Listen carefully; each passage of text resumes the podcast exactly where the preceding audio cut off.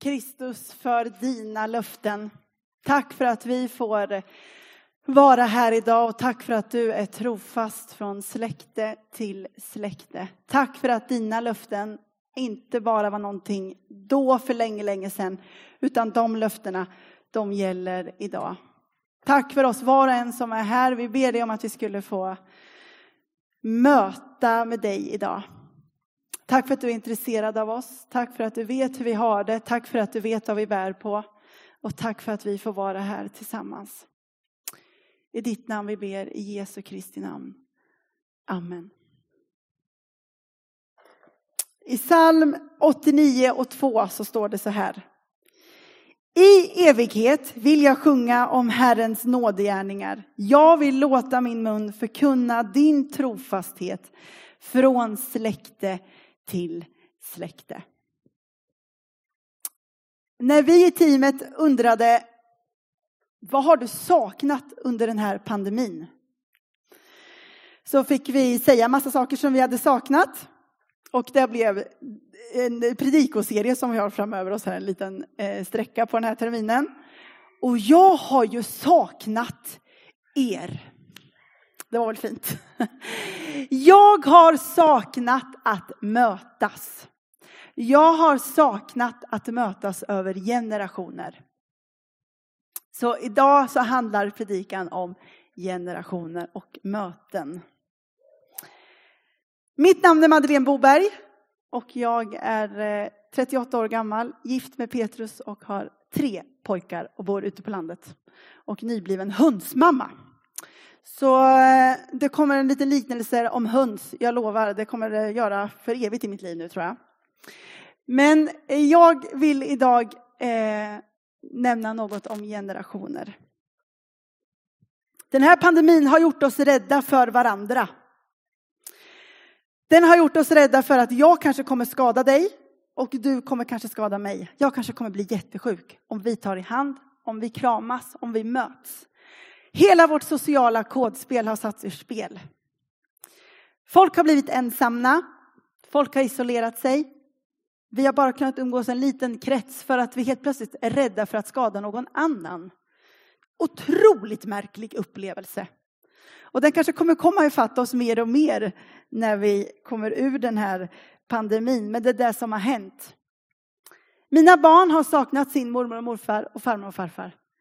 Manfred sa till mig, mamma, när går det här över så jag kan krama mormor? Och det gör det så ont i ett mammahjärta som man nästan går sönder. Det är det som vi har upplevt tillsammans, du och jag. Det är som om man vill ropa som Ronjas pappa gjorde, Mattis. Du har fattat mig! Ropar han ur sitt djupaste, djupaste inre. Och så känner jag.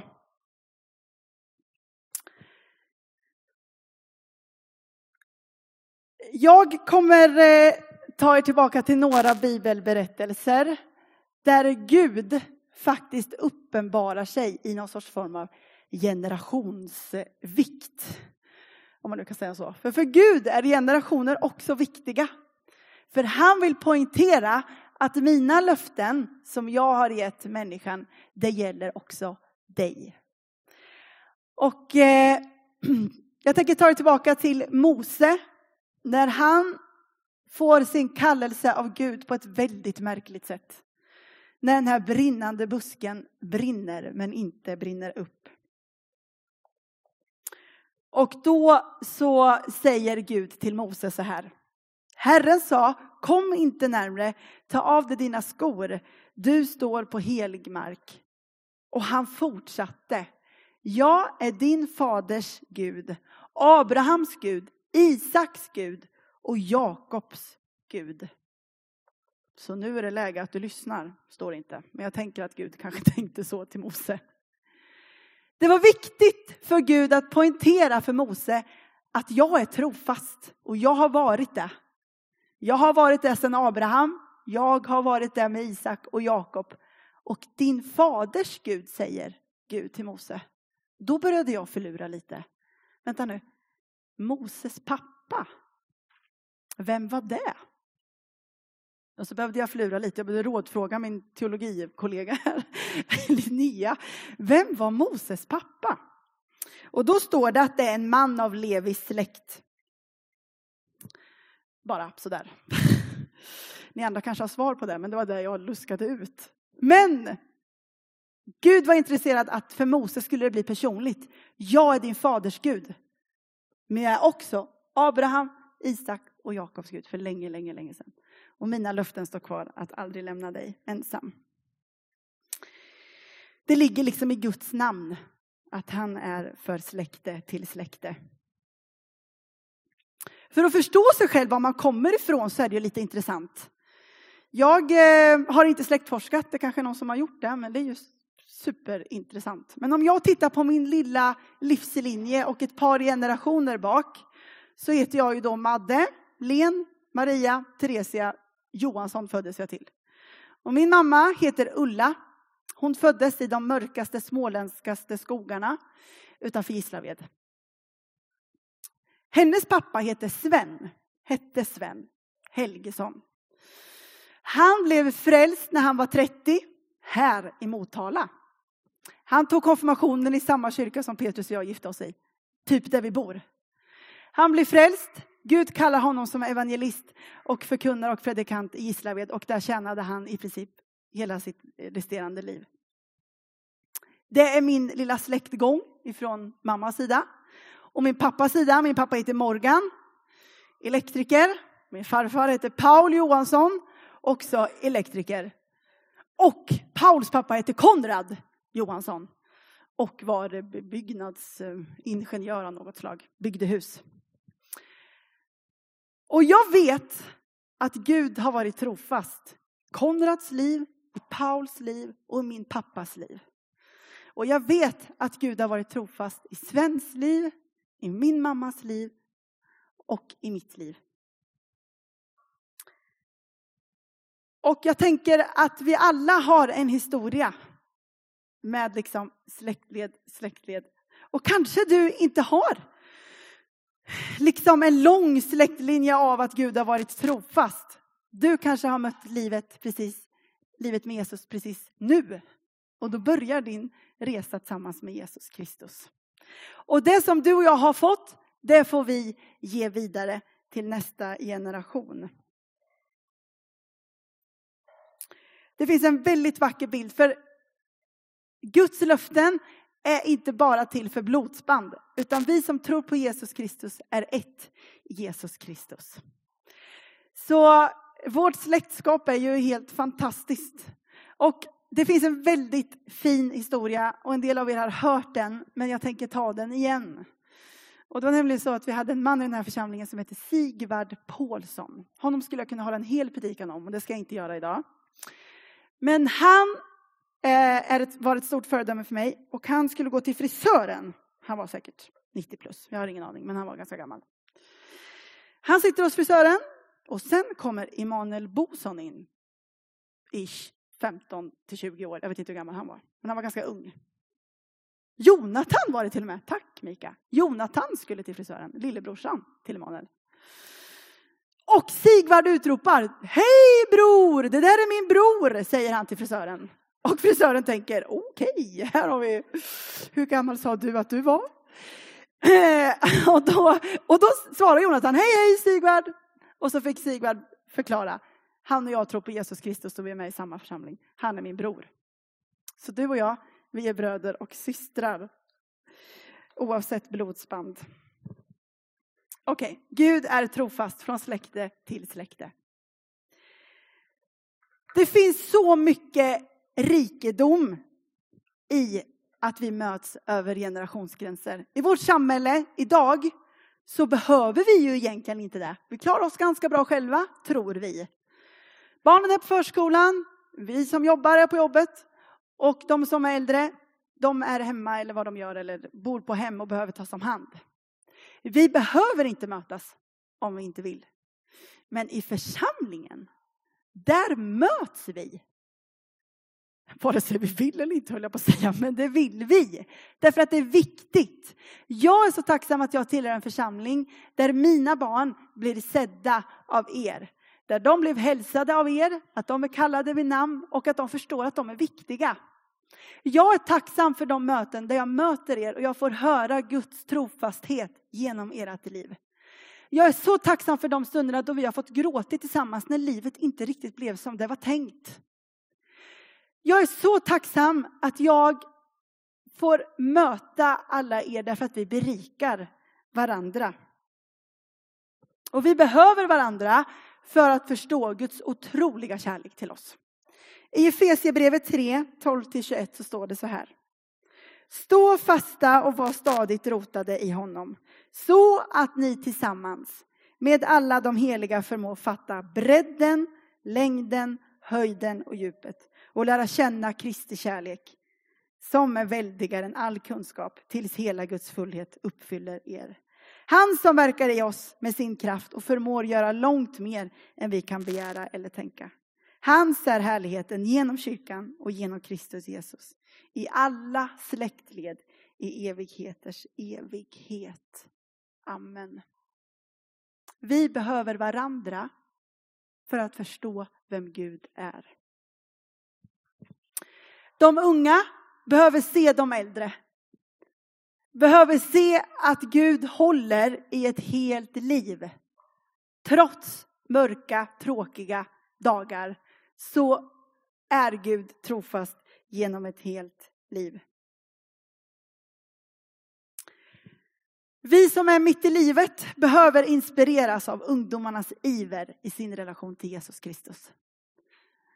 Alltså, se ungdomarna som liksom älskar Jesus, vill leva för honom. Den där inspirationen, den behöver jag. Jag behöver lyssna på mina barn när de tittar på mig och säger, mamma har du bråttom när vi ska be Gud som haver som Edvard gjorde häromkvällen? Jag tänkte, nej det har jag ju inte. Och sen fick vi be tillsammans, Edvard och jag. Och jag blev påmind om Guds storhet.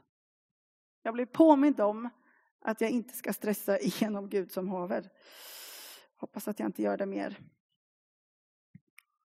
Ni äldre behöver hjälpa oss att se på Guds trofasthet och storhet genom livet när livet äter upp oss ibland. I Ordspråksboken så står det så här. Led en unge in på den väg han bör gå så följer han den även som gammal. Nu kommer min lilla hundsliknelse. Vi har då skaffat höns, sju stycken. Eller det var åtta, en dog, men nu har jag sju. Och de har överlevt ändå. Och häromdagen så sågade vi ut en sån här hönslucka ur det här lilla hönshuset så att de kunde komma ut. Jag har gjort en jättefin hönsgård. Jag och min pappa har byggt en jättefin hönsgård. Så de ska gå ut och kunna njuta av livet. Men de fattar inte grejen. De bara stod där inne så här. Okej, vad är det här? Det är kallt, ruggigt och regnigt. Jag vill inte ut. Och jag var lite frustrerad för jag tänkte nu är ju liksom freedom är inom räckhåll. Det är bara att gå ut. Och de fattar inte grejen. Och de här hönsen har liksom ingen mamma där, de har ingen tupp som styr upp dem, utan de är liksom all by themselves där och ska försöka lösa livet som höna. Så jag tänkte, hur ska jag få, jag kan liksom inte tvinga ut dem.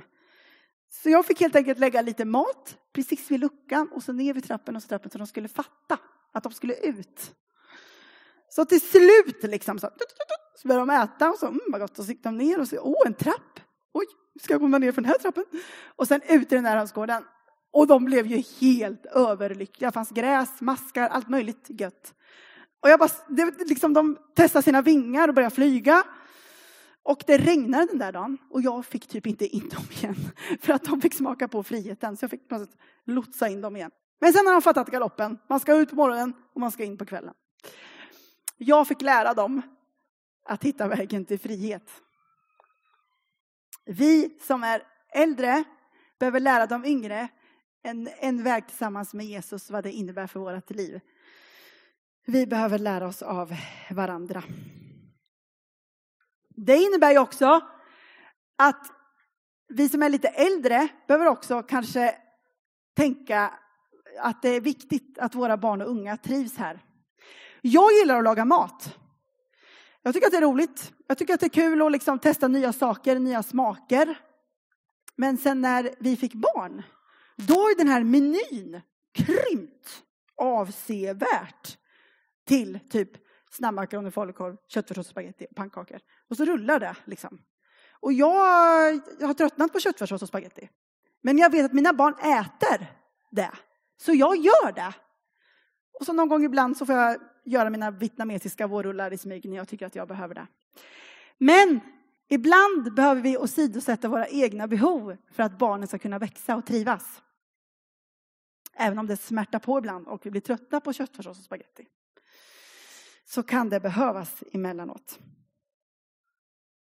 Men vi alla är väldigt viktiga. Och här kommer ett citat. Ibland så hör, hör vi uttrycket av att vi är, ingen är oersättlig. Det finns alltid någon som kan ta din plats.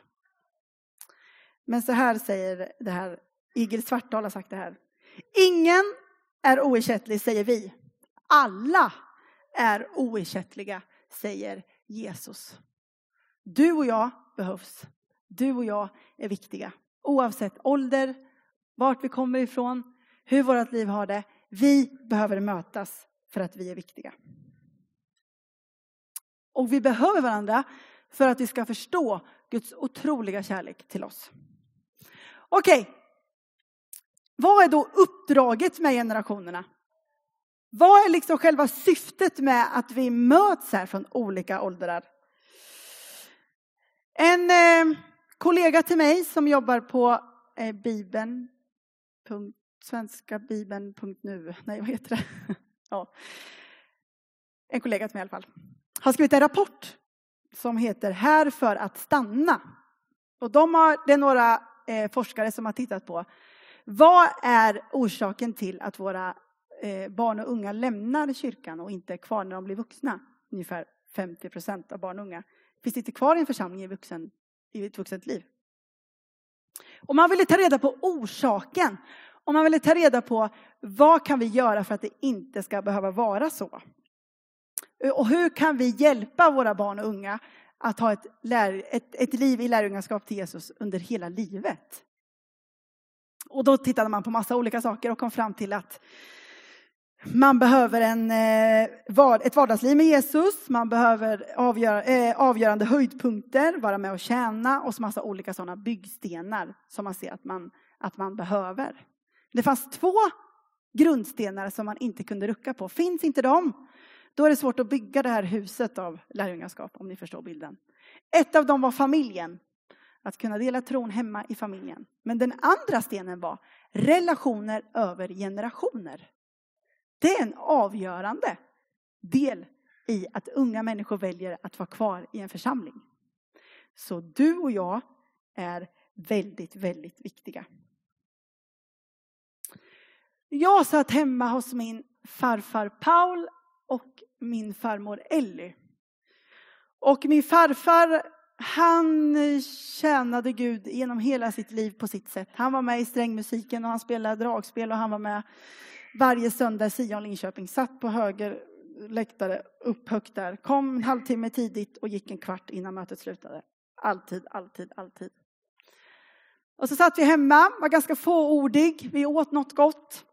Och efterrätt nummer ett, två, tre och fyra. Och vi var väldigt mätta. Och sen tittar han på mig med tårar i ögonen och så säger han, Madde, jag och farmor ber för er varje dag. Vi nämner dig och din familj vid namn varje dag. Och jag blev påmind om det där när jag skulle förbereda den här predikan. Att bönen, den bär oss genom livet. Och det är ett uppdrag vi har. Att be för varandra. Att be för de yngre barnen som vi har gjort idag. För att det bär oss genom hela livet. Och vi behöver säga det till varandra. Jag ber för dig. Jag har varit hemma hos eh, en i vår församling. Hon plockade fram sin bönebok. Och där står det väldigt många namn. Jag ber för de här varje dag. Och det var sida upp, sida ner, sida upp, sida ner. Och så står det Madeleine, Petrus, Edvard, Melker och Manfred. Och jag tänker att du och jag skulle behöva en bönebok där vi skriver ner namn, där vi ber. För Gud är trofast från släkte till släkte och vi får vara en del av det där. För vi behöver era böner. Vi behöver ju lära känna varandra, för det är relationer över generationer som bär oss också. Och det är ju väldigt spännande. Man kan tycka så här, ja men bara vi har eh, eldiga William här som ungdomsledare så funkar det. Eller bara Madde tar hand om barnen så funkar det. Och det funkar en bit. Men vi behöver varandra. Mina barn behöver höra om ert liv med Jesus. Och våra barn i församlingen behöver höra om ert liv med Jesus Kristus. Till sist vill jag ta en liten sportliknelse. Och ni som känner mig vet att jag eh, är ingen sportperson. Men när jag hörde den här så tyckte jag att det var väldigt, väldigt intressant. Eh, om jag säger Usain Bolt för er så tänker ni, ja, det är nog han den där liraren som sprang väldigt, väldigt fort. Och det gjorde han. Hans rekord på 100 meter är 09.58. Ingen annan har sprungit så fort. Och man tänker att det finns nog ingen annan som kan springa så fort. Eh, och den som har sprungit snabbast, liksom närmast honom, har sprungit på 09.80. Alltså väldigt många hundradelar bakom Usain Bolt. Men om jag säger eh, Marcel Jacobs, Filippo Turtu, eh, Sousa De Salo och Lorenzo Pata. Säger det någonting? Harald, det säger inte dig någonting där borta? Nej. Nej, ingen av oss knappt vet vem de här lirarna är. De, eller vet du det? Jonny, Conny, ingen av er? Nej. Det är det italienska stafettlaget i sprint, 100 meter gånger 4. Mm. Det här är ju någonting som jag har lärt, hört. Det är inget som jag har upplevt själv, som ni förstår. Ehm, och de sprang fyra gånger 100 meter på 37 sekunder och 50 hundradelar. Om man slår ut det på 4 då blir det 09.38 per 100 meter. Usain Bolt sprang på 09.58. Så de sprang ju fortare än Usain Bolt. De liksom springer och så lämnar de över stafettpinnen och så nästa och så skapar de bästa förutsättningarna så att de springer liksom med i farten. Jag antar att man springer med den här sammetspinnen. Så springer man en liten stund så att växlingen blir bra, så man skjutsar in farten och så fortsätter nästa. Och så springer jag en liten bit med liksom. Och sen hejar jag och säger kom igen, kom igen, kom igen. För hela laget ska vinna. Då springer man fort.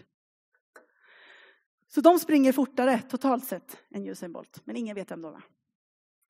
Du och jag behöver göra snygga generationsväxlingar.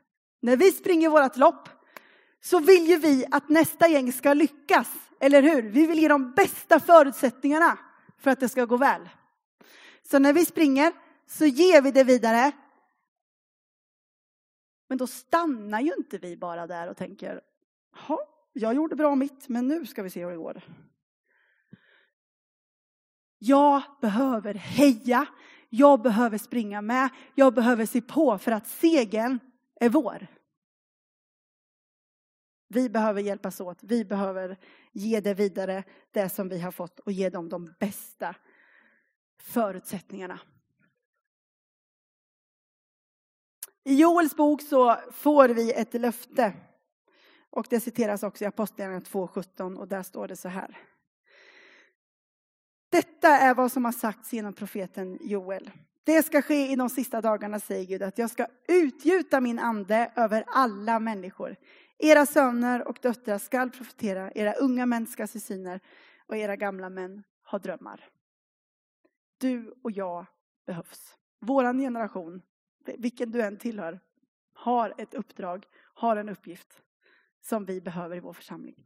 Du är viktig och Gud är trofast från släkte till släkte.